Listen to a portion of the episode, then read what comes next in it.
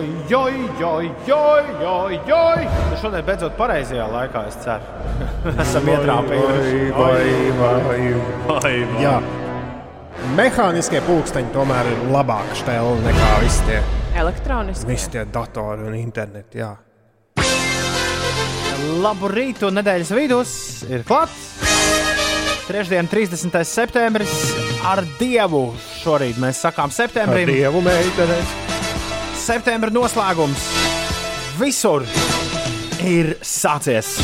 Menārdai, Menārdai, Elmai un Elnai šodien vārdu svētki. Kur tas šīs tādas sanākušas? Menārda, Elma un Elna svin vārdu dienu. Daudz laimes dzimšanas dienā basketbolistei Kristīnai Kārkliņai, daudz laimes dzimšanas dienā oboistam Pēterim Enzelim, itāliešu aktrisei Monikai Belucci šodien dzimšanas diena. Amerikāņu aktierim, dziedātājam, mūziķim un komponistam Kristoferam Džeksonam dzimšanas dienu. Tādu nezinu. Un amerikāņu dziesmniecei Patrīsai Rušīnai. Tādu es nezinu. Jā, kaut kāds džez, džēza pianiste un RB dziedātāji. Nu, šitie te uzradušies. Jā. Uh, ar ko sākam rītu? Nu, kaut ko tematisku. nu, Nu, datum- septembra beigām. nu, datums saka priekšā, kas šodien jāliek. Wake me up when September ends. Tad beidzot varat mosties. Nu, be, septembris beidzies, man var sākt modināt. Mēs taču to klausījāmies jau vakar. Jā, banāli arī bišķiņi. Uzliet šo, nenāc man klāt, oktobrī. Nē, Nē, nē, nē, nē, nē. Man ir labāka ideja. Uh, spēlējam šo augstu. Pēdējo reizi normāli spēlēt dziesmu par septembri. Liekam, virsū disko, sākam ar disko un viss ceļamies Labi, lai iet. augšā. Burvju cilvēki, vudu cilvēki. Vudu, kas to dara, ko tu neuzdrīksties darīt cilvēki. Vairāk tur citu tekstu nav šajā Ko, ko viņi tur saka? Magic people, voodoo people, voodoo. What you don't dare do, people. What you want there do? What you don't dare do, people. Nekad neesmu tos, rindus tur sadzirdējis. Evelīna Cēsīs ir pamodusies. Viņa raksta, lai visiem garda rīta kafija, arī citi dzērieni, kas nav kafija. Un Billijs ir pamodies. Viņš raksta, labrīt, lai forši visiem diena. Kur ir Inese? Kā, kur es esmu? Tepat vien esmu. Paga. Kas tad? Es esmu zupa. Nē, Ines, Jā, ir, la jā. Ines ir labi informēta par visu. Ines nav zupa. Labi informēta zupa. Uh, pie- 15 pār 6 Ines, kas notiek? Pat labi, daudz vietā Latvijā ir migla. Redzamība starp vietām, nepa, starp, eh, nu jā, redzamība miglā nepārsniedz 100 metrus. Tā liecina dati no Latvijas valsts ceļiem un arī Latvijas vidas geoloģijas un meteoroloģijas centra. Biezākā migla ir zemgales rietumu pusē, kā arī vietām kurzemē un vidzemē. Pa galvenajiem ceļiem braukšana no Rīgas visvairāk apgrūtināta Ventspils, Liepājas, Jelgavas un Valkas virzienā. Septembra pēdējā dienā Latvijā būs pārsvarā saulains laiks, bez nokrišņiem. Priekšpusdienā vietām vēl saglabāsies migla, pūtīs lēns līdz mērens ziemeļaustrumu vējš, un gaisa temperatūra paaugstināsies līdz plus 15, plus 19 grādu atzīmē. Rīgā septembris noslēgsies ar sausu un saulainu laiku, vējš lēni pūtīs no ziemeļaustrumu puses, un gaiss galvaspilsētā iesils līdz plus 18, plus 19 grādu atzīmē.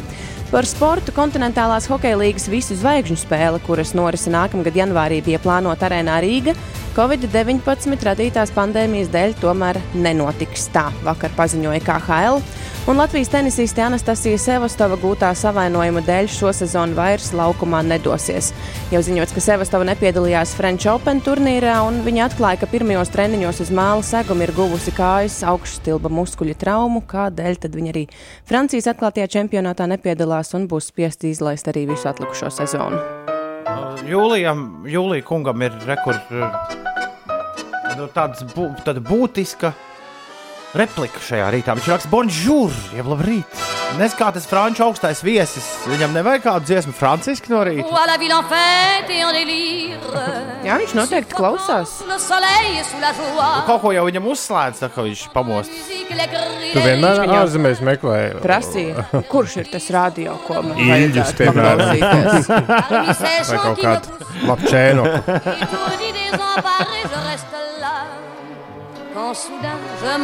Vienreiz es atceros, Jāņos, es ar lielu prieku mūsu līgo, bez līgos, starp citu, spēlēju jau priekšā kaut kur tālās zemēs. Bet kur nu tas bija? Pagaidām viņš sataisīja. viņam uzreiz ir silti makarona, kungam uzreiz silti ap sirdi paliek. Tad viņš sataisīja tiltus un tagad šodien brauc prom. Ja? Es nezinu, man bija sajūta, ka viņam jau vakar bija jābūt Lietuvā vēl arī. Qui Vakar Vakar vakarā viņam bija jāierodas Latvijā. Ah, Viņš ok. ieradās, jā. Tas smalko viesnīcu, kur vi- viņam vajadzēja palikt aiztaisīt ciet. Viņi visi tagad dzīvojot tikai vienā viesnīcā. Tajā, kur tu domāji, kas jāiztaisīs. Ah, tā, kurai, tā, kurai es katru rītu eju garām. Tā Skaidrs. laikam ir arī vienīgā tāda. Labrīt, kafija jau izdzērta un darba diena jau sākusies. Jālgavā pār lielupi un pļavām migla, un piecos bija tikai 6 grādi aiz loga. Bet kaut kā es sabijos šorīt. Man aiz loga bija 7 grādi, bet, kā redzat, es sporta jāciņā pilnīgi mierīgi līdz darbam atkļuvu. Bet nu, tāds destrums ir nav vairs tā kā bija pirms nedēļas. Nu, nav tas. Arī vakarā es vakar gāju ap kaut kādiem astoņiem ārā staigāt, un, un nu, ir tāds rudens gaiss, kas man tīri labi patīk. Bet nu, nevar vairs teikt, ka ir, oh, šis jau tāpat kā vasarā. Nē, vairs nav. Labrīt, lai forši visiem diena. Brauksts tikai 6 grādi mūrjāņos, Renārs saka. Uh, Sigulds Edgars saka, redzamības starp vietām nepārsniedz metru vēlos. Uh, Kristaps arī ceļā uz darbu vietām Migla un ceļa posmā no Jālgavas šoseis ķekavas aplis vienā vietā temperatūra nokrita līdz plus 2 grādiem. Oho, Kā to var dabūt gatavu? Nu tā rudenī mēdz būt. Atkal tā ziema klāt. Jauku visiem dienu. Labrīt, es ar jums kopā jau no vakara, vakar, jo man šonadēļ naktas mājiņas ziņo Ošļāks. Labrīt, Ošļāk. Un Alfrēds, protams, te sarakstīs veselu, veselu kaudzi. Grāmatu. Jā. Es būšu nākošais nedēļa maratona brīvprātīgais. Īzī, tūdī, bija arī Lucky, Lucky. Piemēram, Alfrēds raksta. Un joprojām viņš gatavs noskriet stirnu buku. Viņš raksta, saņemieties un atbrauciet uz stirnu buku. Jo, Haidī. Labi, jā, Alfrēd, liecies mierā.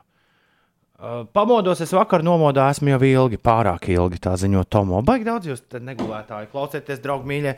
Jāmēģina jūs kaut kā iešūpot mazā sapnītī, varbūt.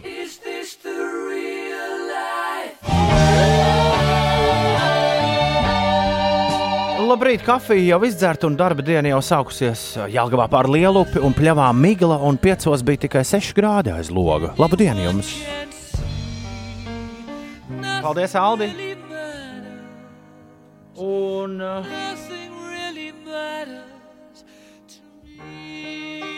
Marika ziņo, ka Jaunpilī 10,5 grādu tik ārā šajā brīdī.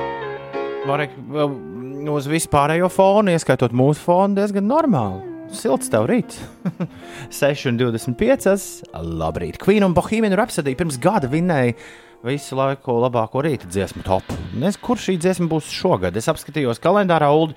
Mm, Mēs par šo neesam reizi vēl runājuši, bet vajadzētu nedēļā no 23. līdz 27. novembrim jau top rezultātus visiem nospēlēt, lai pēc tam ir miers.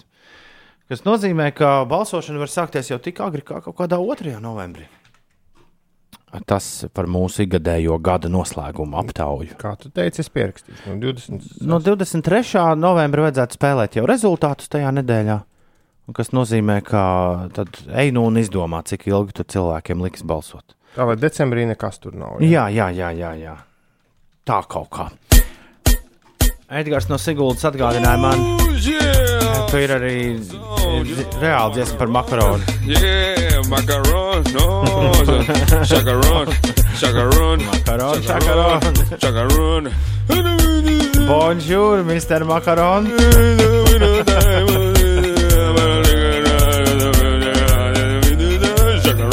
Arī Francis cieta.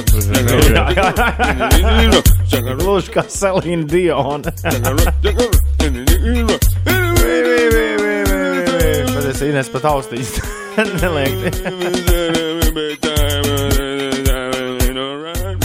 Nu, kas tas ir? To? Makaron, makaron. Ko es augstajam viesim dziesmas spēlēju, lai viņam no rīta labāk sajūta? Labi, pietiks 6,27. Labrīt, Rīga, labrīt, Latvija, labrīt, pasaule. Mēs visi esam brīnišķīgi izgulējušies. Beidzot, vēl pat nav piekdiena, ne, vēl pat nav pirmdiena klāta, kad var tā paziņot. Vakarī es visu dienu gulēju, spriežot pēc viņas ierakstiem sociālajos Jā, tīklos. beigās tomēr izgāja ārā vakarā. Nostaigāt tos soļus. Cik vajag? Es kaut kad lasīju nesen sociālajos tīklos, kāds cilvēks, kas uh, ikdienā nodarbojas ar uh, fiziskā, uh, fiziski lielāku slodzi par staigāšanu, lamājās uz visiem šiem staigātājiem. "Ā, Kāda starpība, cik jūs tur nostaigājat? Nē, starpība tiešām nekāda. Tas vienkārši parāda kaut kādu atskaites punktu. Nu, lai tu vismaz, jo tas ļoti bieži veicina vakarā, tu sēdi, domā, iet vai neiet, tas veicina iziet no mājām. Tas arī viss, tas, ka tur 10, 000 vai 15, tad nekāda es, lasīju, starpība ka, nav. es lasīju no kāda cilvēka, ka pusstundas treniņš ir daudz labāks par kaut kādiem 15,000 soļu. Viss jau ir atkarīgs no mērķa, ko tu īsti gribi. Jā, kam Vai, tas ko tu gribi izējot ārā, soļus noiet? Nu, ko Tu gribi- jautā ko tu, man? jā, ko tu vakar nu, es gribēji? jau viena pati nestaigāju. Tad Iemesls jau bija satikties, Ak, nevis tā, ak, tad, staigāt. ak, tad tā, nu skaidrs. Man vakar bija, ā, man vakar bija jābrauc ā, 220 km vienā virzienā un 220 km otrā virzienā. Ui, ku jauki pagulēju. Gan vienā virzienā, gan otrā virzienā. Uldis arī vakar braukājās ar moci, bija Ines dzimtajā pusē. Bet tu laik, tev laikam ar to miegu tam uz moču nepagulēsi. Nē, tur tas, tas nekādi. Bet es biju vakar jau no rīta atbraucis ar macu un izbraukājis visu dienu. Un sanāca, ka mājās bija tikai pēc septiņiem un foršiem. Tu nobrauci gar manu skolu? Nu, Tur kā grūti bija saprast skolu, es atradu dzelzceļu.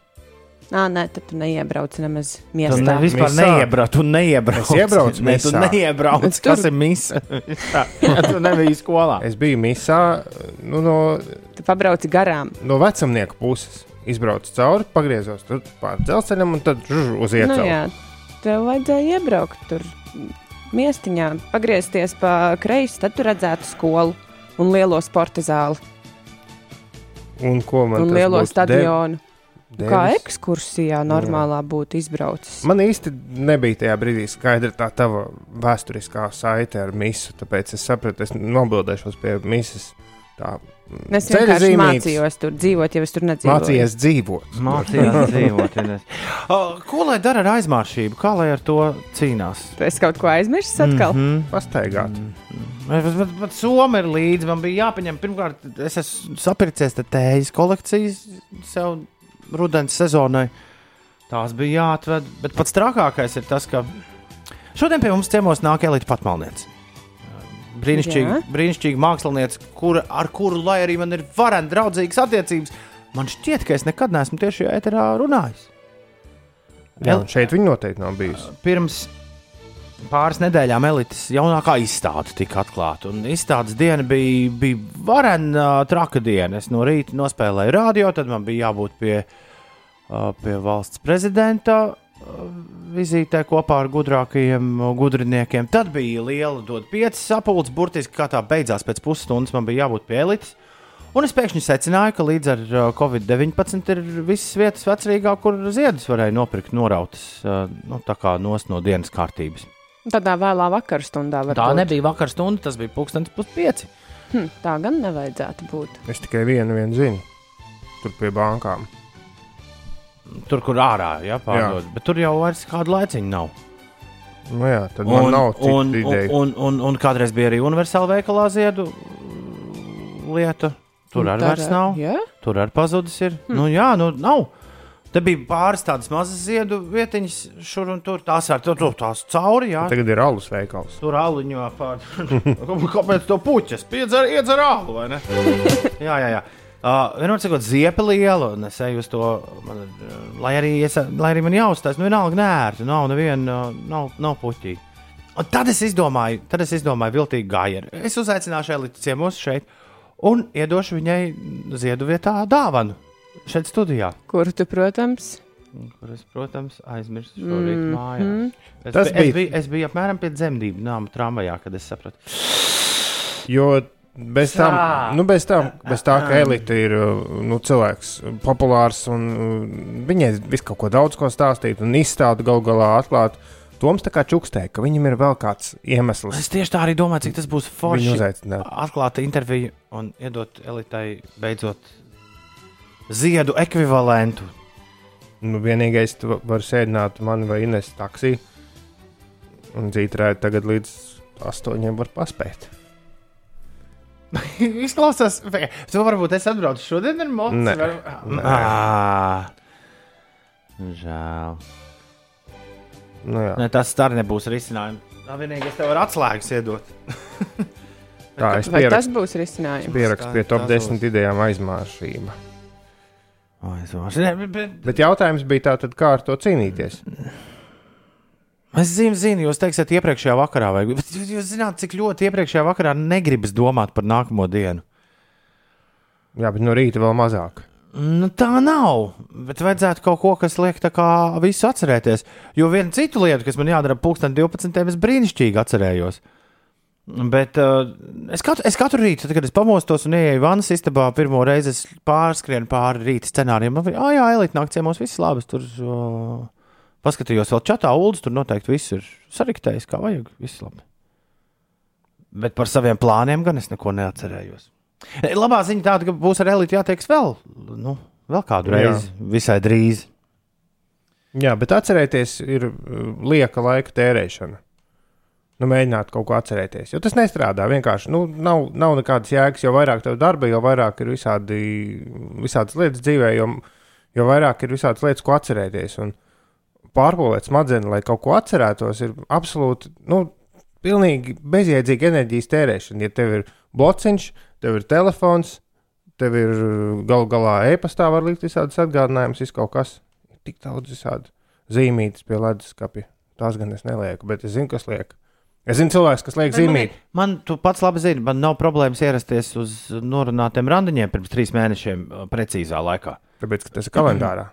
Bet man ir problēma paņemt mantas, kuras man jāved uz, un tas ir regulāri. Atceries, kā es tev plītiņu vedu, Ines? Jā. Kāds divus mēnešus apmēram. Tas tāpēc, ka no rīta nestrādā smadzenes. Vajag sakrāmēt somu jau iepriekšējā vakarā.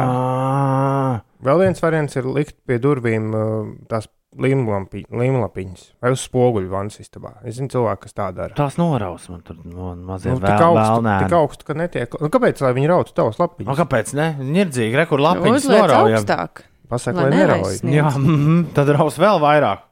Man ļoti patīk. Man liekas, tā bija mm, Latviešu jaunā uzņēmēja. Mēs bijām Ventspīlī, kur bija meitene uztaisījusi kalendārus, kur tu vari ar to nodzēšamo flomasteru uzrakstīt Jā, lietas. tā, tā kā tāds dēlīts. Jā, varbūt tādu vajag. Var, var vienkārši uzlīmēt līmlapiņu uz durvīm, kur nekas nav rakstīts, bet ejot ārā, atcerēsies, ka tas kaut ko nozīmē. Kāds mūsu klausītājs, kurš lūdz, lai viņu anonīmu jā, padara ar šo ziņu, ar kaut kā savādāk šo visu uztver. Viņš raksta, ka dodos uz pirmo randiņu, nezinot, kāda zieda tīk dāmai. Viņš domā, ka man randiņa sarakstīja kalendārā. Kad dodos uz pirmo randiņu, nezinot, kāda zieda tiek tīk dāmai, es nopērku pušķīti dillītes, mīļi, paliks atmiņā un var uzgraust. Orģināli. Tas, ka Ines, uz Ines šis iedarbotos. Man tā ziedu dāvināšana tā liekas dīvaini mazliet tajos pirmajos randiņos. Man liekas, kādreiz, kad tos dāvināja, tad puiši nāca pie meitenēm nu, uz mājām, pie mājas durvīm eh, satikties. Tad tos ziedus var atstāt mājās, smuki ielikt vāzītē. Bet, ja satiekās kaut kur pilsētā, tad tās puķis visu laiku jāstiep līdzi, un tad tur tāda pussprāgusi tā Tulpe. roza vai tulpe jā, jāstiep. Vienmēr sakot, tad, tad nākot pie dāmām uz mājām, tad ir jānes ziedi. Man liekas, ka jā.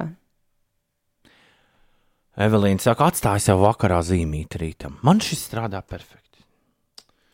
Vēl varētu čatā rakstīt. Nu, kā pēdējo lietu pirms gulētiešanas, jums arī atstāt. Vajag iesiet mutautiņā mezgliņu, un vēl vienu mezgliņu par to, lai neaizmirst, par ko ir pirmais mezgliņš. Paliec zem spilvena Paldies. zīmīti. Paldies! 6,37 ir pareizais laiks. Aizmāršība, aizmāršība. Ai, ai, ai, ai, ai. Es aizmirsu, kā sauc šo dziesmu. Lidmašīnas, Ah, pareizi. lidmašīnas, Prātvētra. Lidmašīnas. Eju, pēdējais septembra datums šorīt. Tur ir mana lidmašīna! Kur ir tā lidmašīna? Turpat vētra. Parunājot par lidmašīnām, Uldim kāds paziņa ir dabūjis naudu atpakaļ no lidmašīnām. Nē, es kaut kādā ceļotāju grupā redzēju, pilnīgi svešas dāmas vakar ierakstījusi. Bet vēl joprojām, vai ne? Var manīt, ka ir cilvēki, kur nav dabūjuši par. Jā. saviem lidojumiem apakaļ naudu. Piemēram, viens šeit sēž. Kā nopietni?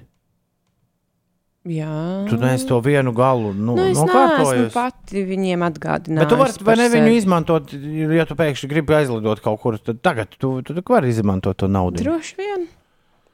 Es, man arī vienīgā, vienīgā bažas ir tāda, lai neaiziet tās avio kompānijas bojā, kurās ir tā nauda iekšā palikusi. Interesanti, kas tad notiktu. Ja viņas pateiktu, viss mēs cauri beidzam kaut ko. Tā arī, kur bija kāda dāma raksta, viņai ap Jāņiem bija plānots kaut kur lidot. Maija vidū atcēla, pieprasīja atmaksu, iestājās klusums. Septembrī sākumā sāka robotu čatot, un tagad beidzot tas beidzies. Jo robots visu laiku teica, ka mm, izlasiet tur biežāk uzdotos jautājumus, lasiet atmaksas noteikumus. Jā, nu tikt līdz uh, konkrētai sarunai, tur ir diezgan cilvēkam. pagrūti. Un tad, kad ir parādījies cilvēks, tad pa pajautāts, kad es dabūšu naudu. Viņš paskatījās tabulās un pateica, 7 līdz 10 dienu laikā, un tiešām pēc divām dienām naudā dot.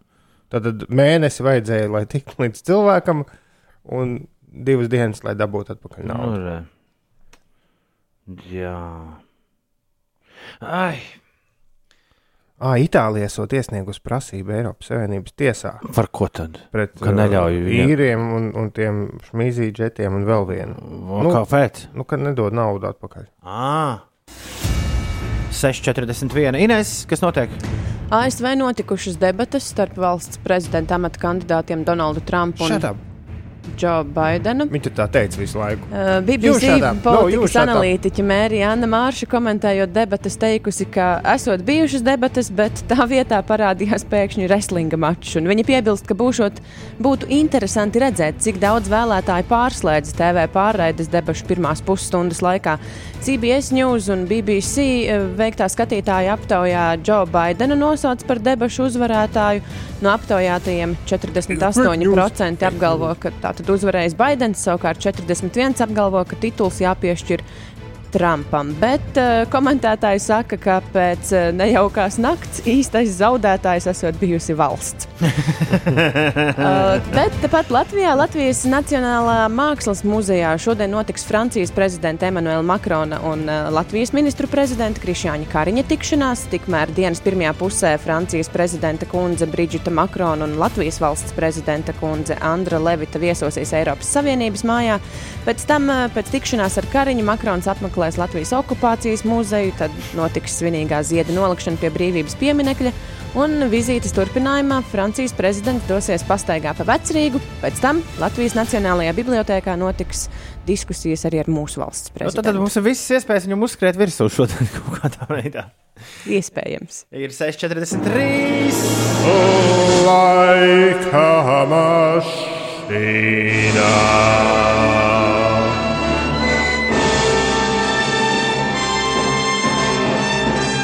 Laika mašīna šorīt mūs ved uz 30. septembrī, jā, uz septembra noslēgumu, kādā ļoti jaukā, muzikāli jaukā gadā, es tā gribētu apgalvot. Eh, Kad uh, Feista, jā, Leslija Feista dzied dziesmu par 1, 2, 3, 4.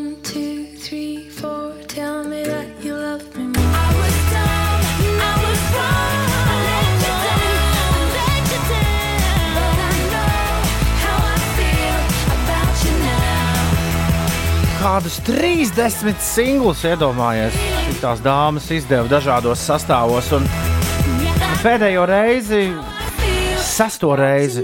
Anglijas top pirmajā vietā viņas bija 30. septembrī. Kurā gadā tāds ir šī rīta laikmašīnas jautājums?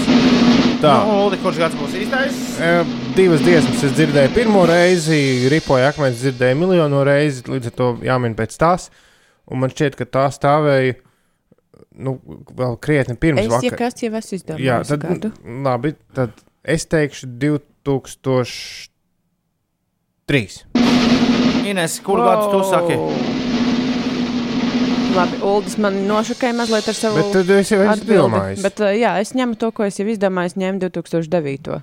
Un Šorīt pie leduskapja dodas Lauma, dodas Baiba. uh, Pie leduskapja jādodas ir Sensītam Dainim, arī Alvim, Pūcei, Ingvaram un Aldim. Jums, nedārgie draugi, mēs bijām 2007. Kā varētu pagriezt laiku atpakaļ? Ej. Vajag aizstīt Instagram līdz galam, nu, un tad uh, var pagriezt laiku atpakaļ, skatīties vecās bildes. Tu kādreiz esi tik tālu ticis. Nu, man, to diezgan, man to ir diezgan grūti izdarīt. No mums trījiem visgrūtāk, jo es esmu pamanījies 2283 bildītas, kopš es dabūju pirmajo, pirmo reizi telefonā Instagram ielikt. 2000. 2283. Nu, patiesībā vairāk, jo pasties, vakar, piemēram, es galeriju ieliku, tur jau četras bildes ir. Man gan mm. ir tikai 344. Un man ir 400 kaut kāda, 400 kaut kāda. Nu, redz, jums, jums, Bet jums vai tad nav tā, ka šobrīd vairāk, vairāk izmanto to uh, storiju sadaļu?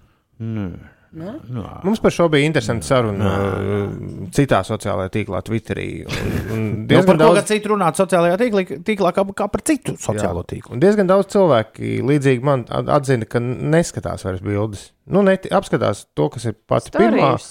Augšējā un varbūt nu, kādas divas uz leju pati. Un tad tur ir parasti reklāma, un tad ar to arī viss beidzas. Un skatās tikai stāstus, un arī kādus pirmos desmit. Bet Jā, nav tā, bet saku, nav tā, ka pārsvarā jū, tos izmantot. bet nav tā, ka justu, ka mazāk cilvēki tas sirsniņas spiestu. Nu, nezinu, atšķirībā ar. Tāpēc, ka tu varbūt trāpējies augšā daudziem. Bet saruna bija tieši par to, ka mazāk sirsniņas, nu, ka ir šausmīgi da- nāk klāt sekotāji un skatās stāstus, bet ne, nespēj sirsniņas. Un kāpēc tā? Pasties, Ines, es, piemēram, atradu rekordu ar Jānu Aišpūru kopā pirms daudziem gadiem. Nav var pagriezt laiku atpakaļ, pastīties, ka mēs visi izskatījāmies pēc spokiem. Jaunāki? Pēc spokiem Nu, arī. pirms kaut kāda laika. Kurš var sešos no rīta izskatīties pēc cilvēka? Ak, Dievs, apstāties, piemēram, šit, nu, kā var šitādas bildes taisīt no rīta. Ārprāts. Jā, tad šī tā kā, nu tā. Šis ir padoms, kā pagriezt laiku atpakaļ. Ja kāds no jums to vēlas darīt, tad lūdzu, internetā taču tur viss tas atpakaļ laiks ir. Uh, Jūlijas šorīt satricināts, joprojām tik daudziem uzspļaut uz citiem braucējiem, braucot ar sarkano miglu.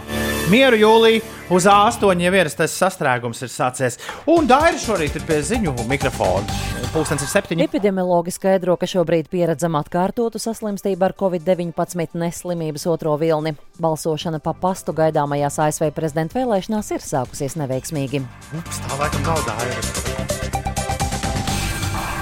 Kā es šitā te solveigu ar Dairu sajaucu? Nu, Bet- Kopā. atzīsimies, ka arī mēs ar Ulu, ka mums jau likās tā balss diezgan līdzīga. Jā, laba balss. Tā tad. Jā. Tāds ir secinājums. Labu rītu cēlies augšā. Amilau, run, run, run, run! Trešdien klāt, nedēļas vidus un noslēdzam septembri ar septembra numuru 30. Galvenais ir labi izgulēties. Jūs nevarat iedomāties, cik tas ir forši. Beidzot, es to izbaudu. Miegu. Es, man katra diena ir sestdiena. Nē, katra diena, kā Morisijas dziedāja, svētdiena. Nē, Trešdiena šodien 6 pār 7 Kristīnai Kārkliņai, basketbolistai, Pēterim Enzelim, oboistam un latviešu basketbolistai Kristīnai Kārkliņai otro reizi Jā. ir dzimšanas diena. Uh, Jā, ģitāristam Rihardam Lībietim, Vila teātra dibinātājam Kalvim Lasmanim un Stasam Florencevam arī šodien dzimšanas diena. Viņš ir dzinieks, vai ne? Nu, DJs. DJs, aktieris, aktieris. Radio raidījuma vadītājs, rīta radio vadītājs, ilggadējs. Monika Beluči, itāliešu aktrisē dzimšanas diena, amerikāņu reperim, producentam un aktierim Tīpeinam ir dzimšanas diena, Maksam Verstapenam, kurš brauc formulā, ir dzimšanas diena, un Čehoslovākijā uh, dzimušajai uh, tenisistei Martinai Hingisai. Laikam jau bija dzimšanas diena. Elma, Elna un Menārda svin vārdu svētkus. Ja gadījumā jūs kādu no viņām pazīstat, tad neaizmirstiet viņus apsveikt vārdu svētkos. Ir 7 minūtes pārpusdienas septiņiem, skan Latvijas radio 5,5 LV. Es esmu Toms Grēviņš, rekords Ulrichs Ziediņš. Ines Puķek arī darbā, vai ne? Jā, Mm -hmm. Un šie ir System of a Down. Jo pārāk daudz ir down, un mums viņi ir jādabū ap šajā brīdī. Un, ja tu jau esi automašīnā, tad ir īstais brīdis, bišķi to volumu pogu, vai ne? Pagriezt ču, ču, ču, ču, ču, skaļāk. Aiziet! Jā, šorīt ziemu sāka piesaukt ļaudis. Bet uh, man liekas, ka es skatos Rīgas laika prognozē turpmākajām desmit dienām. Man, man liekas, ka tas bija kaut kāds erors, kas bija noticis. Jo īstenībā kļūst siltāks. Nu, tā, ja vi, par vidējo dienas gaisa temperatūru mēs skatāmies. Mm, Būs tepat rīti, kad pulksten tikos, kad mēs brauksim uz darbu, būs iedomājies, Ines, plus 16 ārā. Man patīk. Tad atvaļinājumu jāņem jūnijā vai septembrī. Vai, vai oktobrī. Jā. Vai visos šajos Es patiesībā sāku domāt par nelielu atvaļinājumu oktobrī. Es grasos, do, nevis grasos, es dodos atvaļinājumā. Es būšu šeit jau, es būšu prom jau pēc divām nedēļām, uz veselu nedēļu. Un pēc tam mm. novembrī vēlreiz. Tā kā jūs droši varat uh, Ulti, ņemamies arī? pielāgoties. Jā, ir tāds plāns. Es tam dom, biju domājis oktobrī. Nē, nu tajā pirms Covid plānā bija man oktobris. Bet Ai, kas tā mums nebija pirms Covid plānos? tā es apstīšos, vai man šī Pastā, pastāsti man savus pirms Covid plānus. Tā, man nav nekas rakstīts par taviem oktobriem. Nu, jā, tāpēc, ka tad, kad es tev kaut ko tam līdzīgu teicu, tad tu teici, ah, tā jau redzēs. Bet kā lai paredz labu laiku? Mēs tad? esam, no, mēs esam nonākuši situācijā, kad viss, kas notiek, ir, ah, tā jau redzēs. Kāda starpība domāt? Nu, apmēram. Līdzīgi ir ar kaut kādu pasākumu, kur tev Ulim piezvanīja kāds un saka, uzpūtīs trombonu, nu pēc mēneša tur un tur. Jā, tad, tā, tad jau redzēs. Vai vispār, vai vispār varēs kaut ko darīt? Ines, kas notiek? Notika pirmās ASV prezidenta vēlēšana debates starp prezidentu Donaldu Trumpu un viņa sāncenci Džo Baidenu. Abi, tā maigi izsakoties, apmainījās ar personīgiem apvainojumiem. Baidens nodēvēja Trumpu par meli, rasistu, klaunu un Vladimira Putina klēpju suni. Un, um, jā, nu, eksperti uh, saka, ka šajās vēlēšanās, nevis vēlēšanās, bet šajās debatēs uh, pēc nejaukās nakts īstais zaudētājs ir bijusi valsts. Tur karstiet, kā, kā saka. Par to, kā iet pie mums, šobrīd daudz vietā Latvijā ir sabiezējusi migla redzamība. Tajā vietā nepārsniedz 100 metrus. Tā liecina Latvijas valsts ceļa informācija un arī Latvijas vidas geoloģijas un meteoroloģijas centra sniegtie dati. Biezākā migla novērota zemgales rietumu pusē, kā arī vietām kurzemē un vidzemē. Pa galvenajiem ceļiem braukšana no Rīgas visvairāk apgrūtināta Ventspils, Liepājas, Jelgavas un Valkas virzienā. Septembra pēdējā dienā Latvijā būs pārsvarā saulains laiks bez nokrišņiem. Priekšpusdienā vēl migla saglabāsies, pūtīs lēns līdz mērens ziemeļaustrumu puses vējš un gaisa temperatūra paaugstināsies līdz plus 15, plus 19 grādu atzīmē. Arī galvaspilsētā septembris noslēgsies ar sausu un saulainu laiku. Vējš pūtīs lēni līdz mēreni no ziemeļaustrumu puses un gaisa iesils līdz plus 18, plus 19 grādiem. Nu, Droši vien nevis briesmīgā naktis, bet briesmīgais vakars. Nu, es, nu, vakarā jau notika Amerikā tās Baidena un uh, Trumpa diskusijas. Bet uh, vēlreiz šis viss būs. Viņi vairākas Trīs, reizes. trīs reizes, jā. Nu, sanāk, mūsu naktis jau viņa beidza, tad, kad mums raidījums vēl, jau, jau bija sācies. Tad tikai tas viss beidzās. Tā kā laba basketbola spēle. Uh, nu, Trīs reizes, bet nu, visiem, viss, es domāju, pēc šīs reizes visiem viss skaidrs, kādas būs tās divas pārējās. nu, jā, bet nu, debatēm ir jābūt. Bija gan runas, ka Trumps varētu arī ne, atteikties, bet, nu, Jā. ai, nu, var paskatīties. Jēgas liels nav. Bet... Jā. Šodien klausos jūs ārpus Latvijas, bet sajūta tāda pati kā Latvijā, raksta radiatoru meistars. Turpiniet uzlādēt. Mazais brauc uzmanīgi un jauku dienu visiem. Un ir lūgums ieradies pasveicināt šajā skaistajā rītā citīgāko klausītāju Lindu. Šorīt esam mainītās lomās. Viņa pie stūres un es viņas instruktore. Lindai labi sanāk. Viņa tikai baidās iet uz eksāmenu. Man liekas, tad Ulim ir jānodzied eksāmena nebaidīšanās dziesma, lai, U, kāda diez tā ir? Ulda? lai būtu, lai būtu pilnīgi skaidrs, nu, ka Lindai, Lindai nav jābaidās.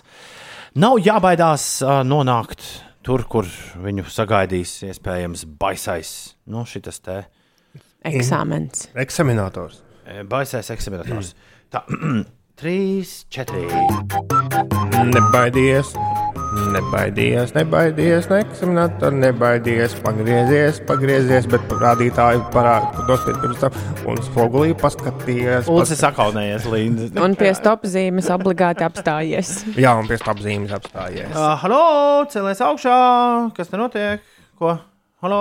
Ko mēs esam pamodušies? Mm, Tas labi, tad ir labi. Es mēģinu atrast vajadzīgo meldiņu, lai uzsāktu tālāko.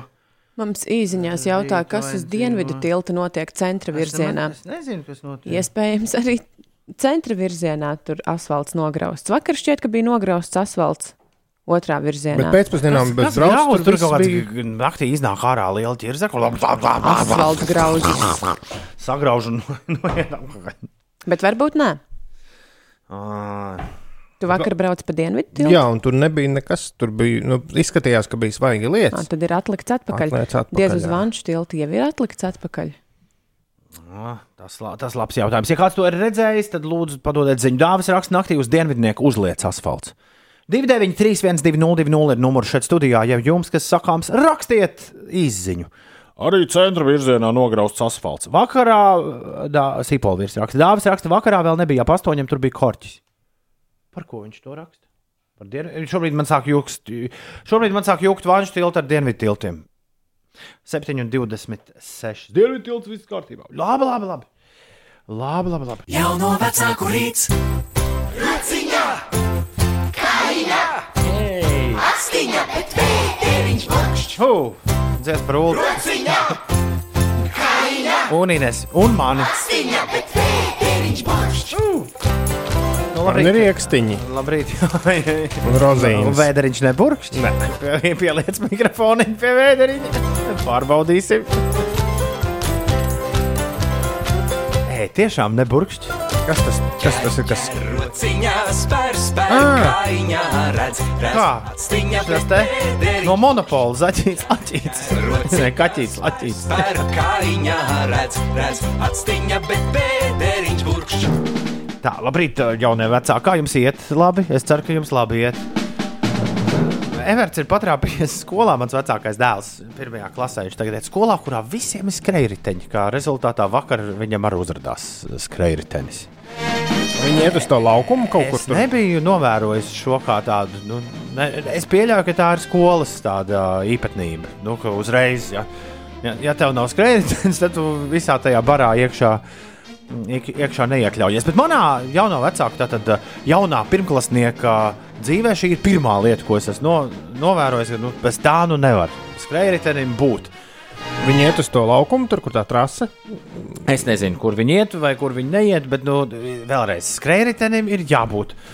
Un uh, pats labākais, par, par ko es rīktīgi sapriecājos, ka Grēviņa kundze vakar paziņoja, ka viņa bija tā, kas izdarīja skrejriteņa pirkumu. Ka skrejriteņa pārdevējs teica, no šito jau jūs pati arī varat braukt. Tas nozīmē, ka es arī varu braukt ar to, ar to pašu skrejriteņu. Jums ir vienāds. Gaidu, kad tu dosies uz darbu Uz rīta uz- stundā ar uz- savu skrējēju. Uz darbu ar skrejriteņu es iespējams, ka nedošos. Tas nav tas skrejritenis, kur lādē un kurš pats brauc. Nē, nē, zinu, zinu, bet es, es, es domāju, ko. ko Bet uz veikalu Ines, es ar lielāko prieku aizdotos ar skrejriteņu. Vai tur nav Bet kaut kāds mugursomu ierobežo, ierobežojums? Tomēr. Iepirkums, lai uz mugu- muguras somā var salikt citādi. Man liekas, ar maisiņu varētu būt diezgan nērti. Ar uh, velosipēdu labrīt arī ir diezgan nērti braukt uz veikalu, ja nav mugursoma. Jā, bet es esmu šo to tomēr uz tiem Velosipēdam tu vari braukt ar vienu roku, tomēr kaut kā. teica velosipēda, teica vel velosipēda meistars. Jā, Uldi. Nu, bet jau nu kā, nu, riteni tu vari braukt no veikala ar maisiņu rokā. Un, nu, nedrīkst, jā, bet nu, Siguldā, kuram nav mašīna, cik nav tā bērnībā darīts. Es esmu divus arbūzus mēģinājis vēst uz velosipēdu. Divus arbūzus? Divus nevar. Uzreiz pateikšu, divus nevar. Vienu var mierīgi, bet divus, eh, nu, nezinu. Ja var, tad pastāstiet, kā. Jā, nē, es ar nepacietību gaidu, kas būs nākamais, kas būs obligāti nepieciešams. Bet tas ir forši, ka tādas nu, aktīvas. Jā, jā, jā, jā. Tagad varēs pats braukāties, jo pirms tam bija draugam visu laiku jāprasa. Viņu tur, viņš bija klases biedram, vienmēr pēc stundām varēja izlūkties. Viņš pabraukāties. Viņi būs puls, visu robiņī cel. Augšā celīti, bet vēderiņš burkšķ. Nāk, nāk, zrobiņī, puls, visu robiņī cel. Augšā celīti, bet vēderiņš burkšķ. Šorīt jau no vecāka rītā tas arī, es pieļauju, būs viss. Man ar zobu, ja par jaunāko dēlu savukārt, tad man ar zobu mazgāšanu mums pārāk labi neiet pēdējā Jautrības. laikā. Ir visāds jautrības, bet, bet ar ļoti tādu, nu, ikdienas uh, moralizēšanu un, un, un, un piespiedu mazgāšanu šķiet, ka drīz jau būs sasniegts kaut kāds vismaz rezultāts.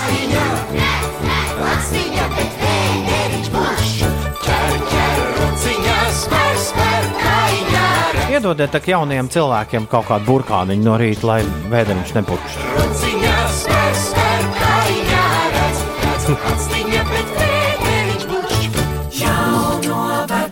rīts. Par ko tu sasmējies? Madeira raksta, ka arbūs smierīgi divos maisiņos ar stūres ragiem, bet man nebija maisiņu vispār. Es vedu rokās.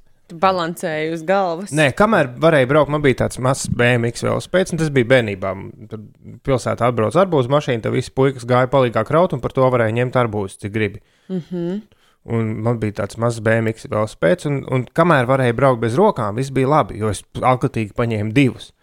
Bet tad, kad tuvojās krustojums, un kad tu saprati, jo tam ritenim nav bremžu kājām, Ak, Dievs. un tu saproti, ka ir jābremzē, ir jābremzē, jo Auč. tuvojas krustojums. Man ir arbūs. Un tad tu domā? Kuru, kuru mest? Kuru mestīšu? Ai, priekšējās bremzes labāk vai pakaļējās? Ai, ņemšu pakaļējās. Un tad nu, tas arbūs tika nomests, diemžēl.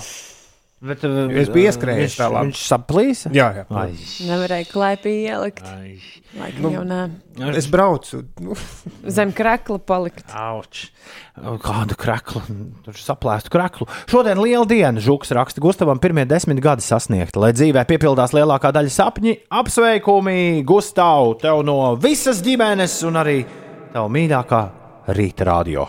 Un Valders no Jūglas prasa, to, kas ir Zana Grēviņa. Darbā, kur strādāju vienā veikalā, tur viņas recepti uz galdiem. Tā nav Grēviņa kundze. Tas ir svarīgākais, Valter, kas tev jāzina. Augšā, augšā, ceļas visi augšā, labrīt! Tilts ir ok. Asfalts atjaunots, Kleo raksta. Paldies, Kleo, par šo. Un, ja es vispār atceros, tad trešdienā mums šodien, jā, kā jau Alaž, ir ieplānots. Top, top, top. Nē, nē, es, ne, es, ne, es šorīt neesmu tik ātrs. Es neesmu tik ātrs, kā jūs to gribētu. Uh, jā, darbie kolēģi. Top desmitnieks ir ieplānots. Kas notiks top desmitniekā šorīt? Jā, mēs apkoposim nu, neko labāku par, nevis neko labāku, bet neko atbilstošāku par arbūzu vešanu uz velospēdu, divu arbūzu vešanu. Nekas labāks mums nav ienācis prātā un arī nevajag. Tāpēc būs optimistiskā loģistika, jeb absolūti tīzla veida, kā tu esi mēģinājis kaut ko aizvest mājās vai uz kaut kurienu, cerībā, ka ai gan jau. À, tas, par, to- tas par to, kā es karīju ieliku ja, mugursomā. Hariju. Nu, es jums stāstīju. Poteru? Nu, nē, nē, nu, ēdienu. Ā. Ieliku mugursomā, nes mājās. Tajā- Tas pil kaut kas. Ah, man gan arī regulāri mugursomā kafija izlīst. Nu, Bet, šo ā, ūdens krūzi arī neaizskrūvēt, nevajag likt mugursomā. Jā, jā, Esmu jā. pārbaudījis. Jā. Ah, tā jā. Nevajag. Bet nu, tāda, Bet nav forši, kad telefons peld kafijas biezumos mugursomā. jā, tad, Bet uh, mēs runājam ne tikai par lietām, kas ir izlījušas mugursomā, bet arī par uh, transportēšanu ne tikai uz velospēda, uz uh, motorolera vai skūtera vai mašīnā. jā, pa- par pieredzes trūkumu. Gan, ai, gan jau kaut kā aizvedīs vai sa saliks. Nu, Jā, nu, ka uz acu mēru tā kā liekas, ka sanāks. Nu, bet lo, es taču varu braukt bez rokām. Loģiski, ka es varu divus arbūzus aizvest mājās. Jā, jā. Cauri visai pilsētai. Tas bija Siguldā, bet vienalga ir krustojumi, ir mašīnas. Tā tad uh, vēlreiz vienā tvītā. Kāds ir uzdevums top desmitniekā šorīt? Atsūti savu stāstu par to, kā tu cerēji, ka kaut ko varēs aizvest vai atnest mazliet pārāk optimistiski. Jā. Bet nesanāca. Vai arī sanāca, bet sanāca rīktīgi dīvaini. Tātad- Dīvainā lietu vešana vai nešana. Li- Lietu vešana vai nešana šorīt tiks apkopota top 10. jau visai drīz. Vispirms jums jāpiedalās top 10. un savus stāstā mēs jāatsūta uz 293, 202, 293, 202. Galvenā tēma no Kristofera Nolāna jaunās filmas Tenet. Šis ir Travis Skots ar The Plan. Tūlīt vēl neesmu bijis uz ķinīt, ja? Nē, nē, Skaidrs. jā, pasteidzis laikam. Tu domā, tu domā, ka vēl kāda filma tik drīz būs? Nē, es domāju, rādītajos IMAXos, IMAXos un lielajos drīz būs. ekrānos. Travis Skots un The Plan. 741. Labrīt! Ines, kas notiek? Labrīt! Daudz vietā migla, esiet prātīgi braucēji, tīpaši tie, kas eh, brauc pa galvenajiem autoceļiem virzienā no Rīgas.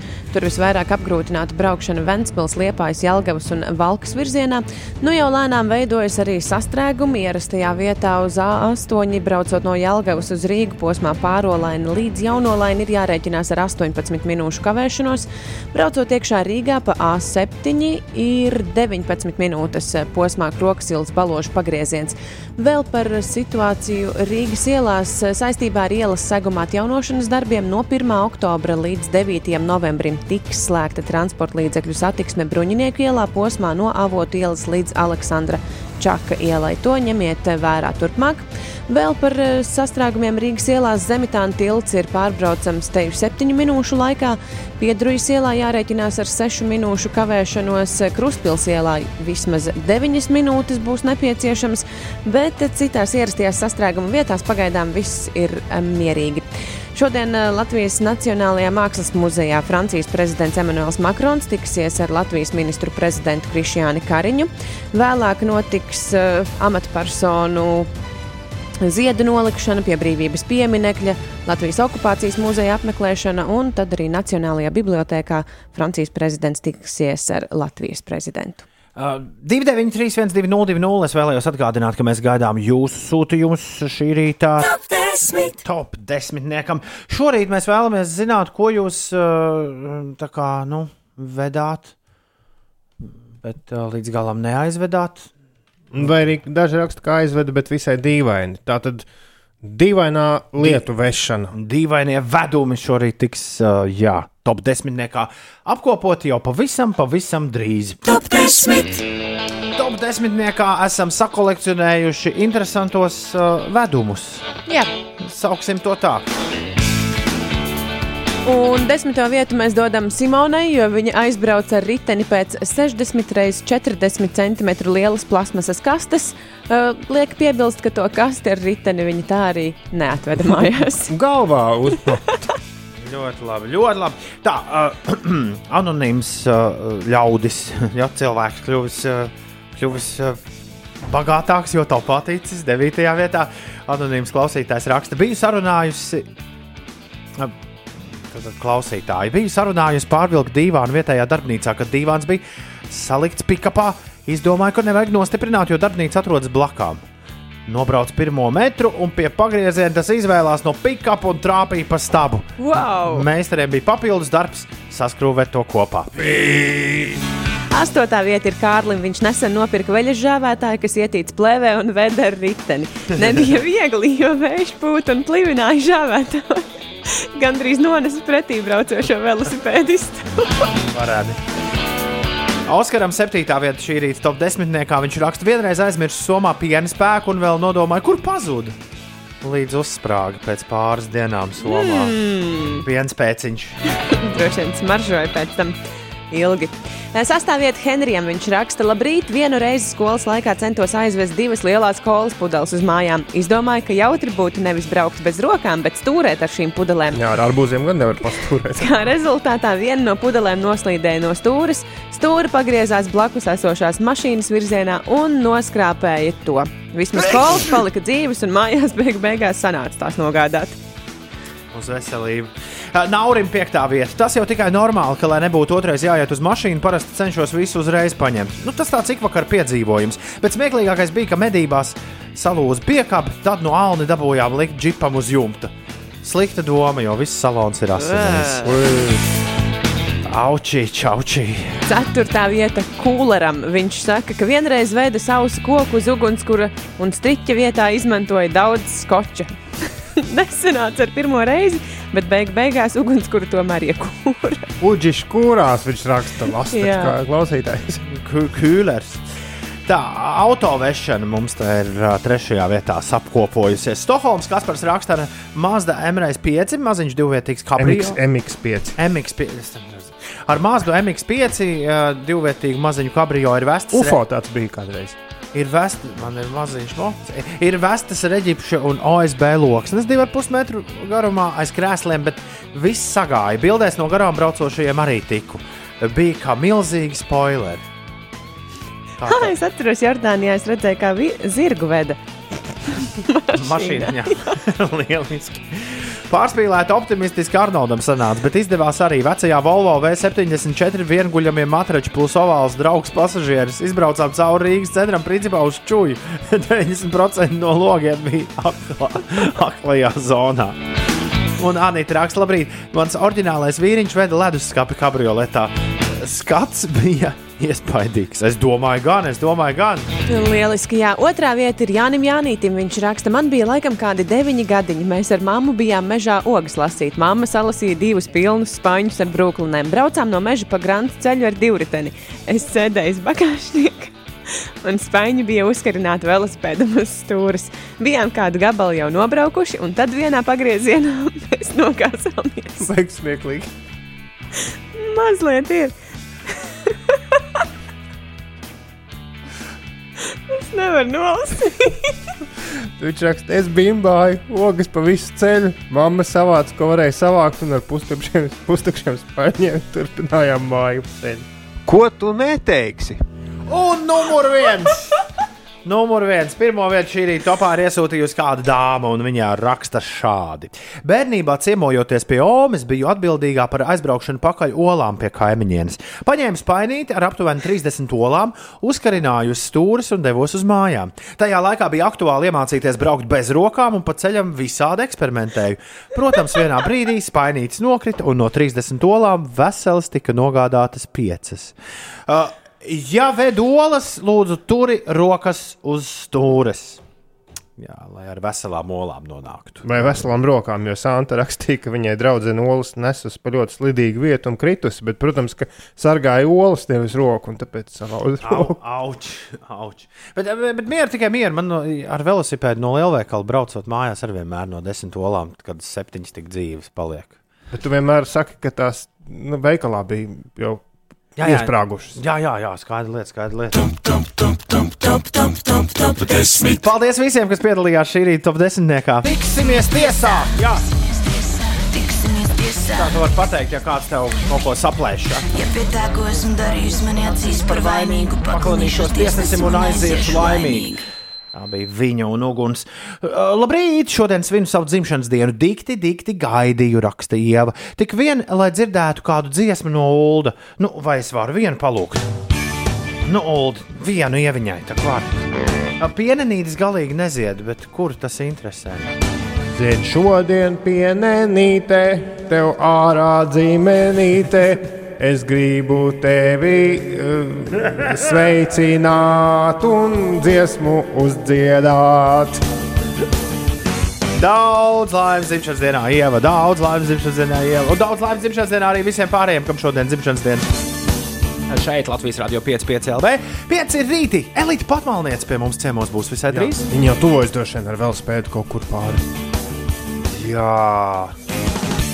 Nu, viņai uh, saka, lai noliek nu, mūsu stāvvietā. Nu, velosipēdu. Kāda mums ir velosipēda Nu, nu, stāvvieta? iekšā ieved. À, Nu, jā, nu jā. lai neslēdz tur, tur kaut kur. Kaut kā. Oh, Elīze patmalniece ciemos, jā, interesantās ziņas būs. Oh, no divām burvīgām dāmām man ir muzikāls pirmizrādes šajā rītā. Tās mēs klausīsimies uzreiz pēc jaunākajām ziņām. Šis ir fragments no 5 LV podkāsta Kā ir būt? Visu sarunu klausies 5 LV mājaslapā vai populārākajās straumēšanas vietnēs. Man ļoti pietrūka apskāviens no, no vīrieša, kā no pietrūka. Nu, jau es tiešām saku, kādus trīs gadus pietrūku. Nu, tāds, jo nu, tāds īsts apskāviens. Tas bija tas, kas man regulāri pietrūka. Es kā, es tiešām jutos ļoti vientuļi, nu, ja tā godīgi. Un, eh, un tas, un ir jā, tev ir draugi, tev ir ģimene, tur, tur viņiem runā, un viņi redz, ka kaut kas nav labi, un, un draudzenes tur viss labi tur runā ar mani, un es tevi tur apmīļošu, un visu, bet tas ir kaut kas cits. Būt ir visādi. Trauksmaini, cerīgi, dīvaini, juceklīgi un ļoti skaisti. Sarunas par būšanu klausies podkāstā Kā ir būt. Jauna epizode katru pirmdienu, 5 LV mājaslapā un populārākajās straumēšanas vietnēs. Watermelon sugar high.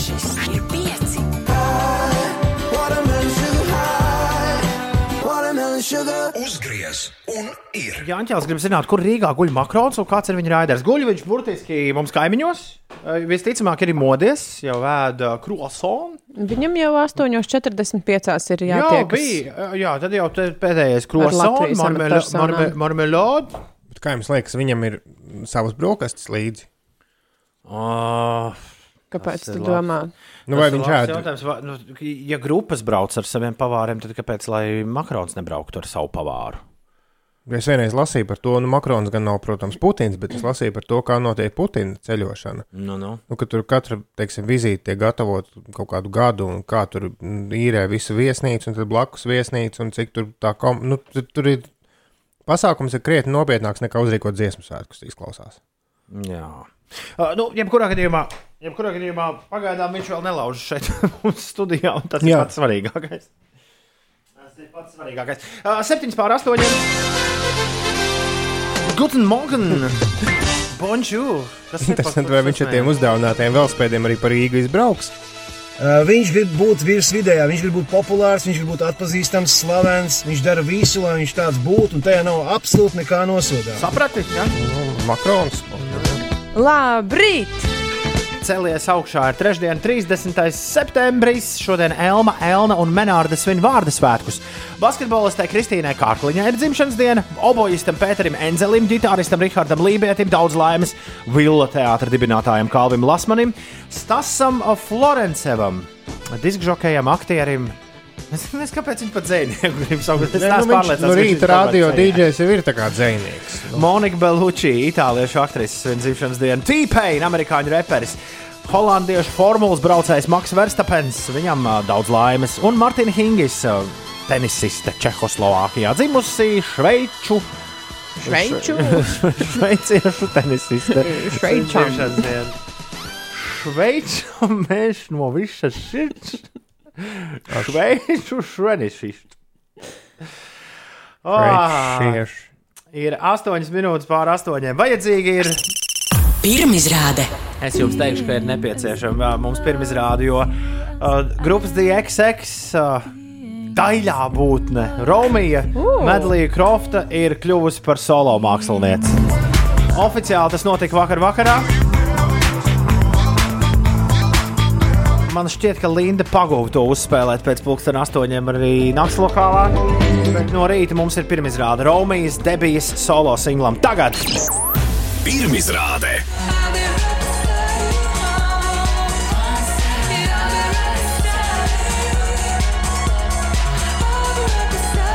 Izklausās, ka DXX solistē bija apnicis tik lēni dziedāt austra rakstu. Tur jau pa vidu ir tāds arī lēnais moments, vai ne? Nu, Bet man ir sajūta, ka šo mēs drillēsim uz rīņķi. Ui, tuvākajos mēnešos daudz un dikti Romija un Lifetime. Labrīt, uz Liepājas šoseis pie Lāčiem bieza migla virzienā uz Liepājas pusi Uldis raksta. Un Mihails atsaucoties uz to, ko mūsu Uldis teica stundas sākumā, raksta, ka, protams, ka Putina vizītes arī kaut ir sarežģītāk nekā dziesmu svētkus. Putins tak negulēs uz grīdas matemātikas klasē. Man diezgan loģiski, jā. Uh, nu pat Valaus kopā ar Klairo skaņdarbs Are You Bored Yet? ir 18 pār 8. Ines, kas notiek? Malta ir pieprasījusi Britu karaļnamam atdot senas haizi uz zobu. To mazajam princim Čorčam pirms dažiem gadiem uzdāvināja pazīstamais dabas zinātnieks Deivids Attenborough. Eh, Maltas kultūras ministrs informēja, ka darīs visu iespējamo, lai šo zobu atgūtu, jo tā vieta ir muzejā.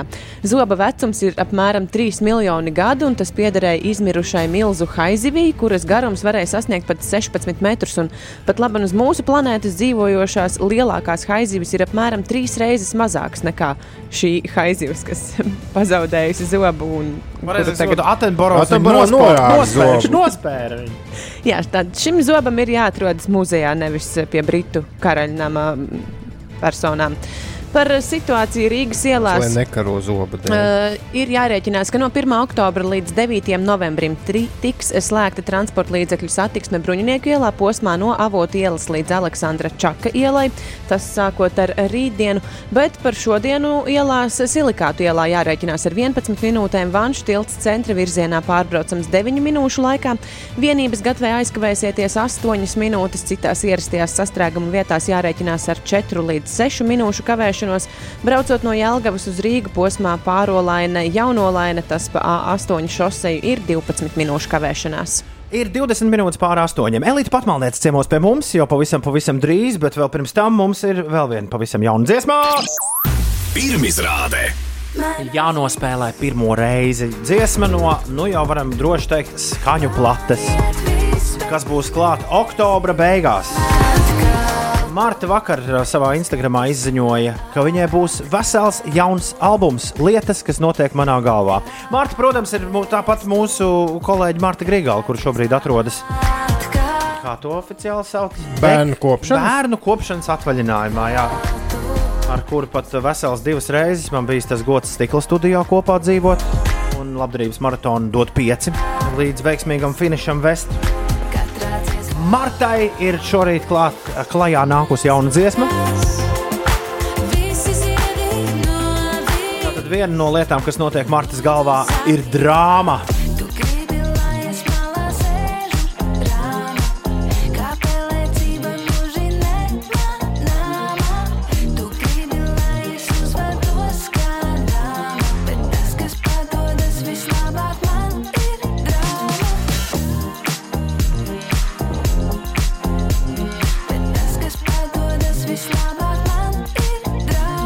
Rasa raksta, Marta ir mans dziesmu spirita animāls, burvīgi. Marta šodien būs ciemos pie Magnusa pēc pusdienas pieciem pēcpusdienā, bet 8,24 minūtēs, 3. 30. septembrī mums arī ir ciemiņš. Un tā nav Marta, tā ir Elīta.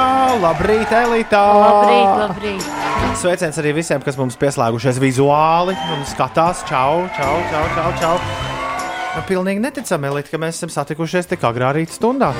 Tiešām parasti jau satiek savā gultā. Tu esi naktsputns.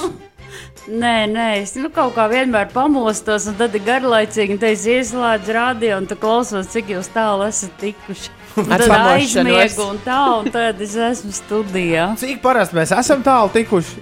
Nu, normāli kā kur rīt atkal. Citreiz labs noskaņojums, citreiz atkal tā, bet nu tu esi spridzeklis vispār. Labi, labi, Elīte, tu arī esi spridzeklis.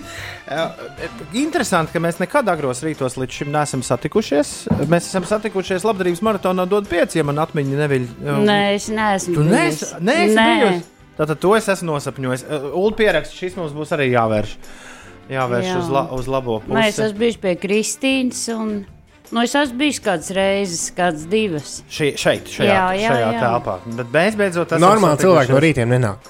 Nu, tieši tā. Uz televīzijas atsakos iet. Pagaid, bet ir, div, ir 2020. gads, ja nemaldos, ar Elitu. Es iepazinos 2006. gadā. Mums pirmā darīšana kopā bija, vai, vai kādā 2005. Tev bija man jāpašūdina uzvalks. Ā, uzvalks Es gāju, tu, tu, tu, man, tu man ņēmi speciālus mērus, uzšūdināji. Uzvalks bija tik labs, ka es pat viņā aprecējos. Precējies, es pat jā. aprecējos, vēl tāpēc tam gan vairs nebija. Nu, Nederēja kā- vairāk. pēc, Pēc kāzām jau tā parasti. Labi, nē, bet tad viņam atkal derētu, Ah. es domāju. bet, uh, bet jā, neticami, ka mēs esam satikušies tieši tajā brīdī, kad uh, visi runā par tavām apziņas skicēm. O, visi runā. Tas Visi- ir labi. Visi runā. Vienu, no- ar vienu no apziņas skicēm tu arī šorīt esi atnākusi ciemos pie mums. Tas ir redzams te uz, te Nu, uz tas, jau, tas ir tāds vadu motīvs, ka tu pat nepaspēji uzzīmēt, ka jau viņš ir uzdrukāts visās vietās. Pēc kā tas izskatās, kas ir elitai, tiem, kas neredz mūsu Ines pastāstī? Kas, Man kas liekas, tas ka ir? tas ir mērķītis ar kroni. Ka tas ir apmēram. Tas ir- Ūdens tāds vīriešu portrets. Nē, ne? tas, ir no... tas ir kārtīgi nu, spalvains, spalvainām rokām vīriešu portrets. Ja? Nu, nē, nu, tā kā es domāju, nu, man gribās kaut ko nu, vienmēr zīmēt. Saka, nu, ko nevar uzzīmēt, kaķīšu vai kaut ko tādu. Un es ieraudzīju to mērķi veikalā. un Man atkal pirms gadiem man bija arī mērķis, ka man bija svečturs, bet tagad es ieraudzīju atkal vienu. Es nevarēju viņu neuzzīmēt. Šis bija melns tāds. Nu, Bet tu- īpaši smuks viņš nesanāca. Tas, nē, nē, ir- vai, tas, vai tu, tu dari arī portretus? Nu, Nu, nē, man citreiz pasūta, bet baigi, nu, man nesenāk baigi līdzīgi. Citreiz var, var uztvert, piemēram, no Uldi, ja to tu- skatienu. Ulu, ja tu šādi izskaties. Nu, nē, nē, nu, tas ir nav, nav, viņš tā neizstāsta. viņš labi izstījās šodien, ieraudzīja, viņ, viņš izstījās lielāks nekā dzīve. Nu, tā es iedomājos, Nu, nu, ne- ka ne- klausos radio. nu, nu, ps- nu tā psiholoģiski lielāks. Ne? Nē, nē, augumā. Nu, Ah. tāds. nu, ne jau interesanti. es domāju, tur ir liels. ļoti svarīgi, vai X vai Y tajā plaknē, kur tas lielums ļoti ir. centies iziet no situācijas. Bet interesanti, pēc balss var pateikt, vai cilvēks ir liels. Nē, nu, par radio tu klausies, un tev ir kaut kāds priekšstats. Nē, nu, es skatos ir, jā. Ulda stāstījis, ar kā viņš brauca moci un tā, un tā viss. Oh. Jā, Jā. Elite, no kurienes tie pērtiķīši nāk? Tad tā ir nevis apziņa, bet tas ir kaut kas novērots. Nu, tas ir kaut kāds, nu, nu kas tev ne jau apmēram patīk, bet ko tu varbūt var uzzīmēt. Tik vienkārši. Nu, nē, es ieraugu kaut kur, nu, ir tā kā, nu, zvēru pasaule, kas tev patīk. Nu, tur, kad tīģeris vai, nu, lauva ir grūti uzzīmēt, kaut viss man prasa lauvas tur uzzīmēt. Nu, ir tie tavi dzīvnieki, kas tev patīk, čūskas, pērtiķi. Uh, kāda tu biji bērnībā? Tev bērnībā ļāva izpausties tā Nu, teikt, vienmēr skatījās, nu, tā neļāva. Nu, agrāk, nu, Neļāva, zin, ne? kā padomu laikā, nu, jau neļāva, bet neko nebremzēja. Nu, es biju parasts bērns. Bērnu dārzā mācījos, un tur skolā, un nu, vienkārši. Nu, jā, bet kurā brīdī, kurā brīdī uzrādījās tā sajūta, ka darīšu, ko gribēšu. Zīmēšu to, ko gribēšu, to, kas sanāk, nevis to, ko kāds liek. Nē, nu, labi, akadēmijā kaut kur mācoties, un vai nē, modes skats jau veidojot, nu, ka mums teica, ka vajag jau trakāk, jo labāk. Nu, tā bija tāda brīvība, ka es sāku strādāt un nu, veidojot kolekcijas, piemēram.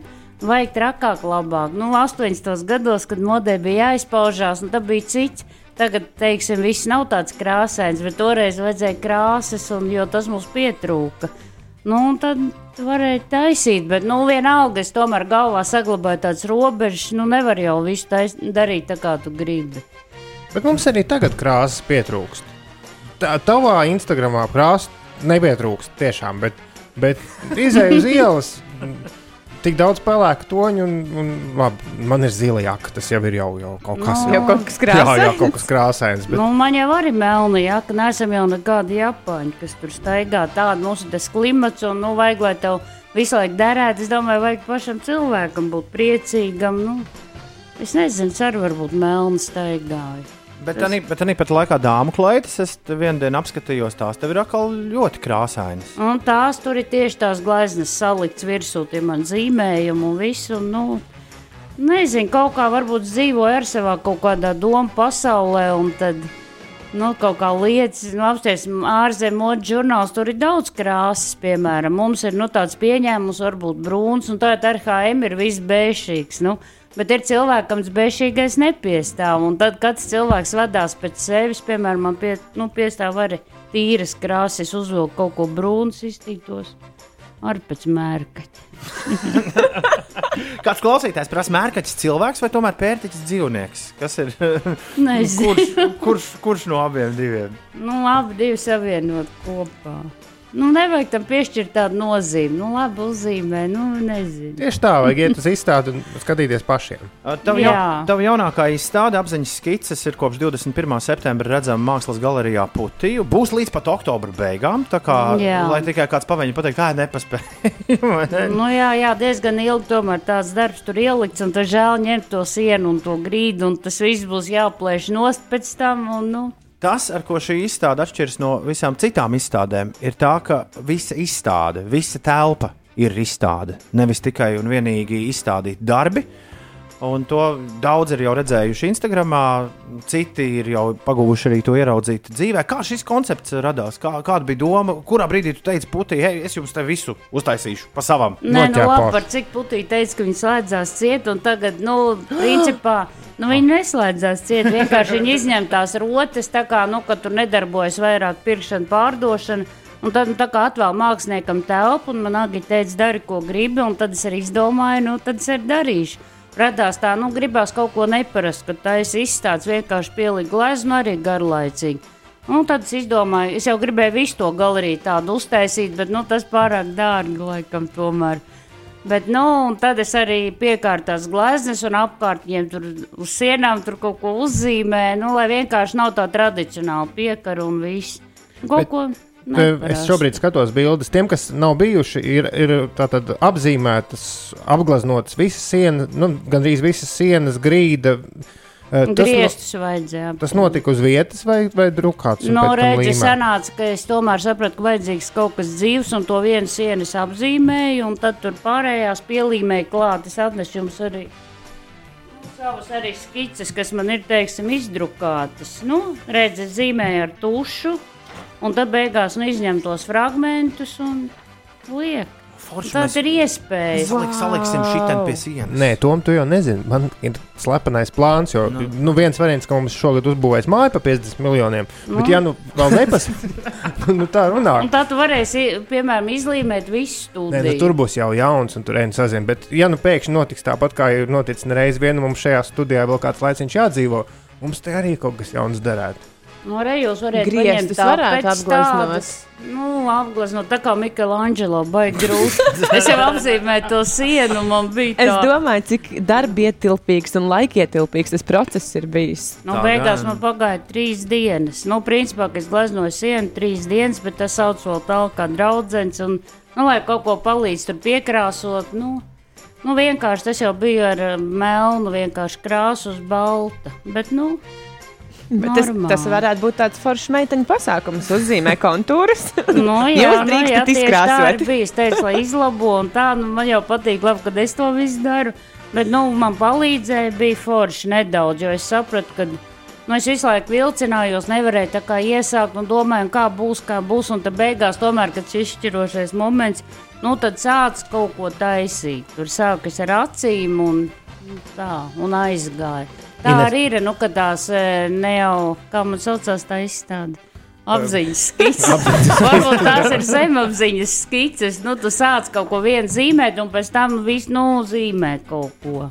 Pasaulē aizvien populārākas ir krāsojamās grāmatas pieaugušiem cilvēkiem. Man liekas, ka tev tajā virzienā vajadzētu paštukot. Tas jau bija pagājušajā gadā, aizpagājušajā gadā, kad es dodu to zīmējumus. Es braucu ar pa Latviju un dodu cilvēkiem krāsot. Nu, Mēs varētu visu ve- veselā grāmatā ielikt. Un tad es satiku Dāru Aboliņu, kino speciālisti tavas izstādes atvēršanā, tātad, ā, jā, liel, lielajā atklāšanā. Un mēs ar Dāru runājam, ka būtu rīktīgi forši kādam animācijas filmu pēc tavām skicēm uztaisīt. Nav bijis tāds piedāvājums, nav kāds Nu, interesējies. vispār man bija starp citu staro Rīga, bija, kad e, puiši taisīja arī nu, tā kā gleznas un zīmējums, un arī uztaisīja kustīgus viņus. Tā liekas, ka šis kaut kur ir redzēts kustībā. Šis Jā, nu, ne šī, jā, jā viss šitie, tā ir levitācija. Tas jau bija pirms gadiem, man arī putīja, un ka viss bija uzdrukāts, un tā gāja, viss krāsoja.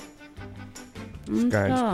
Ines Siksta kapelu ap, griestus apgleznoja četrus gadus Mikelangelo. Es domāju, ka Elīte pusgadā tiktu galā. Katru Lai rītu labāk vienkārši karātos. sāk uzlīmēt, kāds jau tur materiāls. Iz, iz, iz, izdomāsim, izdomāsim. Tēvs Kraukšķis raksta, ka Elīte izklausās pēc foršās drauga māmas. Es domāju, ka katram skolā ir bijis draugs, kuru māma liekas tik cool.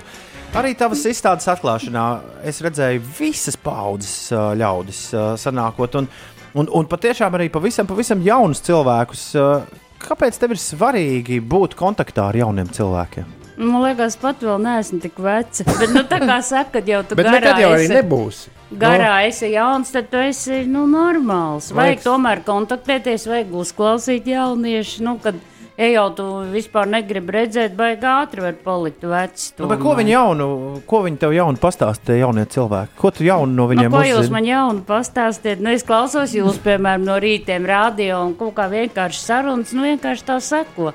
Interesanti. Nu. Es gribēju nomērīt, cik liels fans tu esi mums. Vai tu zini, kā sauc Ines mašīnu? Nē. Es tev došu trīs atbildžu variantus - blūziņš, džeziņš vai folkiņš.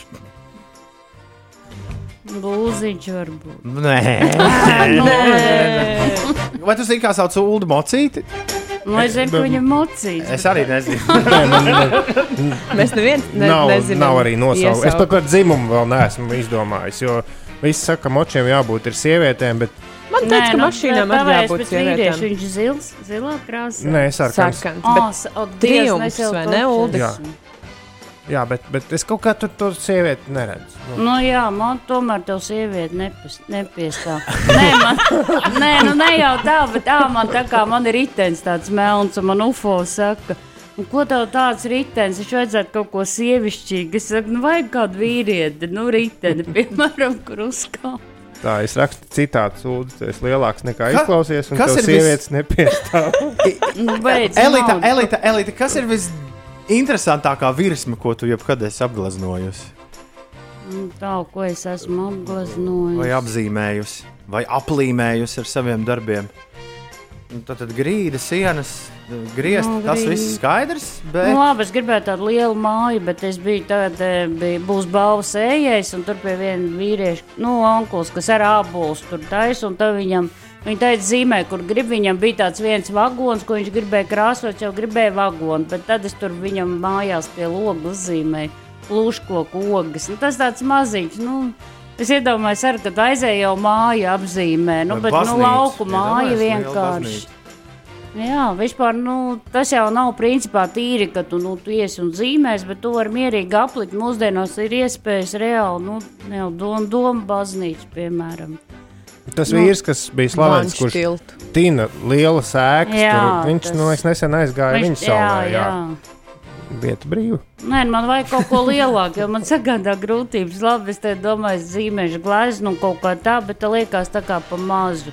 Man daudz pamatu, un tā es arī neuzzīmēju uz izstādes, un te es domāju, ka, nu, man sāksies izstāde, tad es gleznošu. Bet visu laiku jāskrēj riņķi un nevar pieķert.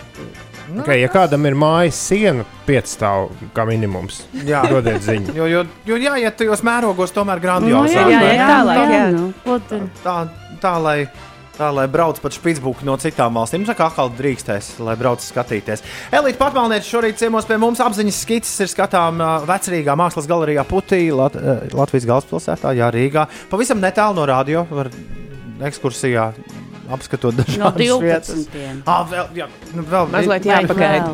Bišķiņ jāpagaida. Līdz pat 28. oktobrim apziņas skices ir skatāmas. Elīte, milzīgs paldies, ka tu atnāci ciemos pie mums. Man prieks bija jūs redzēt dzīvē. Jā. Uztaisīsim kādu bildi, lai Mēs, o, mēs tūlīt, tūlīt sabildēsimies. Negleznot, bet, nu, Un, un ar tevi es visai drīz atkal satikšos. Jo Tu, dzirdēji no rīta, kāpēc. Ir bez 20 minūtēm 9. Ir 3. un 30. septembris. Paldies, Elīte! Čau! Čau, čau! Ines, kas notiek? Vēl joprojām daudz vietā Latvijā ir eh, migla redzamība, tajā vietā nepārsniedz 100 metrus. Biezākā migla novērota zemgales rietumu pusē, kā arī vietām kurzemē un vidzemē pa galvenajiem ceļiem braukšana no Rīgas visvairāk apgrūtināta Ventspils, Liepājas, Jelgavas un arī Valkas virzienā. Septembra pēdējā dienā Latvijā būs pārsvarā saulains laiks bez nokrišņiem. Priekšpusdienā vietām vēl saglabāsies migla, pūtīs lēns līdz mērens ziemeļaustrumu puses vējš un gaisa temperatūra paaugstināsies līdz plus 15, plus 19 grādiem. Rīgā septembris noslēgsies ar sausu un saulainu laiku, un šeit būs vēl siltāks nekā citviet Latvijā - plus 18, plus 19 grādi. Par sastrēgumiem Rīgas ielās šobrīd ir jārēķinās ar aptuveni 11 minūšu kavēšanos Maskavas ielas pagriezienā uz Slāvu ielu. Vanšu tilts centra virzienā pārbraucams teju 9 minūšu laikā, Valguma ielā 8 minūtes pavadīsiet. Kārļa Ulmaņa gatavē vismaz 7 minūšu sastrēgums, tāds pats arī Krasta ielā un arī Piedrujas ielā. Citviet jārēķinās ar 4 līdz 5 minūšu kavēšanos, un braucot no Jelgavas uz Rīgu ir mazinājies, krietni mazinājies sastrēgums eh, starp uh, Olaini un Jaunolaini. Jā, braucot Rīgas virzienā, tur šobrīd tikai 8 minūtes ir jākavējas. 8,41. Elīte, labi, ka tu neesi nekur prom aizgājis. Es taču visam aizmirsu. Šis ir rādio. Mēs jau te ne tikai mūldam, bet mēs arī dziesmas spēlējam. Tu kaut ko negribi visiem uzspēlēt no rīta. Jā, kaut ko gribētu. Nu, nu, ko, ko, ko saka Nu, sirds? Nu, kaut ko foršu, kaut ko modernu. Savādāk vienmēr tikai līvus, līvus. Pie jauniešiem vajag kaut ko. Es padomāju, kāds man patīk. Labi, man patīk sound poets. Tomēr viņi ļoti poetiski ir. Ir tāda lieta. Vai Tur- kaut kā čipsis un dūlais O, arī forši. o. Tas man patīk. O, čipsis Tas- un dūlais. Tas jau ir normāli. To slaveno dziesmu, jā? Ja?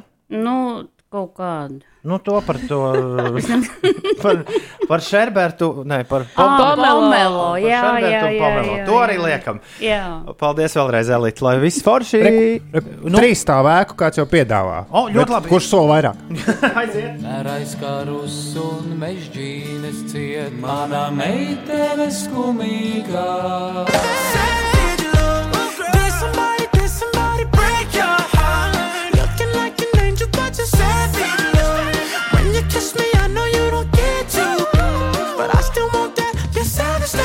Nedēļas un divām dienām, atrodoties uz jumta jaunajā teikā, manā TikTok kontā mēs uzfilmējām uh, TikToku. Tā tā sauc, vai ne? Nevis video, bet TikToku mēs uzfilmējām. Tā tās mazos video sauc, jā. Ulu spēlēja rekordu. Un mēs arī nesidejojām visādas kustības, kas ir jādara. Ne jau visādas tās speciālās. Mans līdz šim visskatītākais TikToks ir skatīts 126,000 reižu. bet Tas nav mūsu kopīgais Ai. TikToks. Bet uzminiet, cik ir mums uh, skatīšanās reizes. Jo, piemēram, tur, kur. Uldis, tur, kur Uldis saka, Ej, punkts uz Slīpsvītra podkāsts. šis TikToks ir skatīts 900 reižu. Starp 126,000 un 900. Kā tev šķiet, cik ļaudis ir noskatījušies, uh, kā Uldis trombonā pūš Savage Love, un mēs arī nesdejojam? Mm, Simt tūkstoši. Gandrīz bingo! Uh, nu, gandrīz. Ja 24,300. Tiešām gandrīz bingo.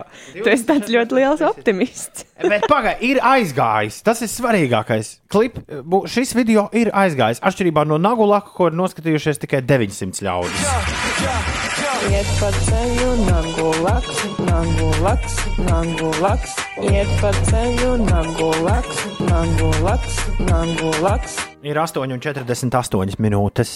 Lai dzīvo tik augsts! Yeah! nu, es nezinu, ko citu teikt šai sakarā. Lā!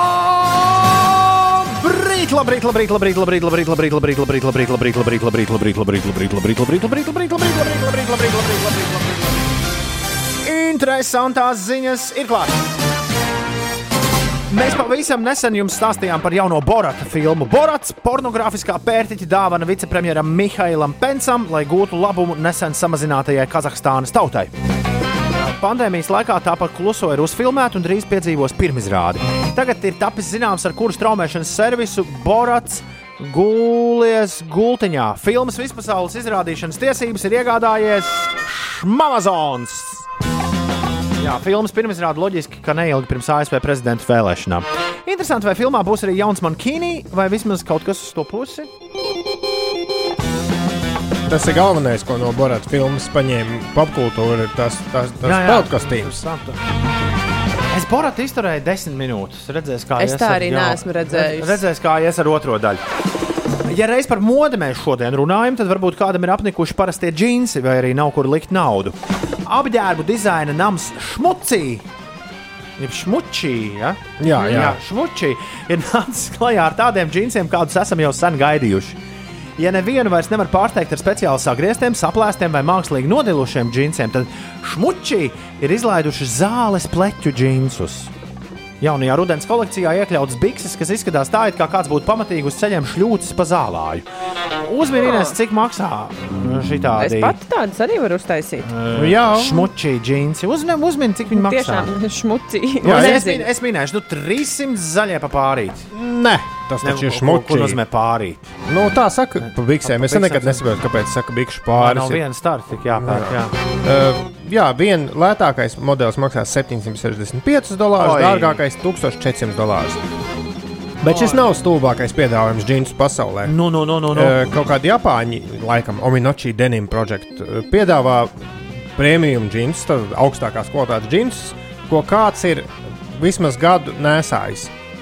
Ko? Tas nozīmē, ka tu vari pieteikt, ka kaut kur ir kāds pasaulē saņem algu par džinsu nesāšanu gadu. Labinieks! Es tam citu būtu ar Tu mieru. vari tādus džinsus nopirkt. Jā, jā, viņi speciāli viņi pārdod džinsus ar garantiju, ka kāds to jau gadu ir Jā, nesājis. bet jebkurš lietot apģērba veikals arī var garantēt to. Jā, bet tas nav Denim Project butīka piedāvājums. O, Vai ziniet, Cik daudz biznesa iespēju? Es jūtos interesanti. Es, uh, pēc šīm ziņām es arī. es skatos uz vienu džinsu jaku dizaineru, kur maksā nocenot par 200 dolāriem. Tā man jau šķiet dārga. Cik bieži tu to nesāsi? Tāds ir jautājums. Nu, gan jau ka bieži. Un Tad parēķini, cik maksā diena. Nu, un tas tas nekas nav. Šādi, ja. All in the fight for democracy. Tā sauc filmu, kurai par godu Žanela Monē ir šo skaņdarbu turntables sacerējusi. Es neesmu pārliecināts, vai mums, kā ne amerikāņiem, šī filma ir jāskatās. Tu kaut ko esi par to filmu dzirdējis? Un... Nē, Lēnām jau Oskariem viņi tās uh, nu, te gatavojas. Boratam diez vai būs iespēja trāpīt Boratos, Oskaros, Boratos. Dokumentālā filma tā ir. Film revolves around voter suppression.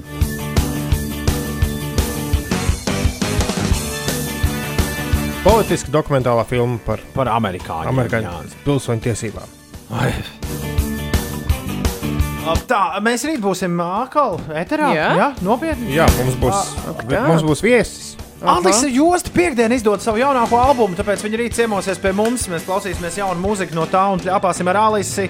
Plus būs vēl visādas foršas lietas. Tiekamies rīt, pagaidām visu labu! Atā!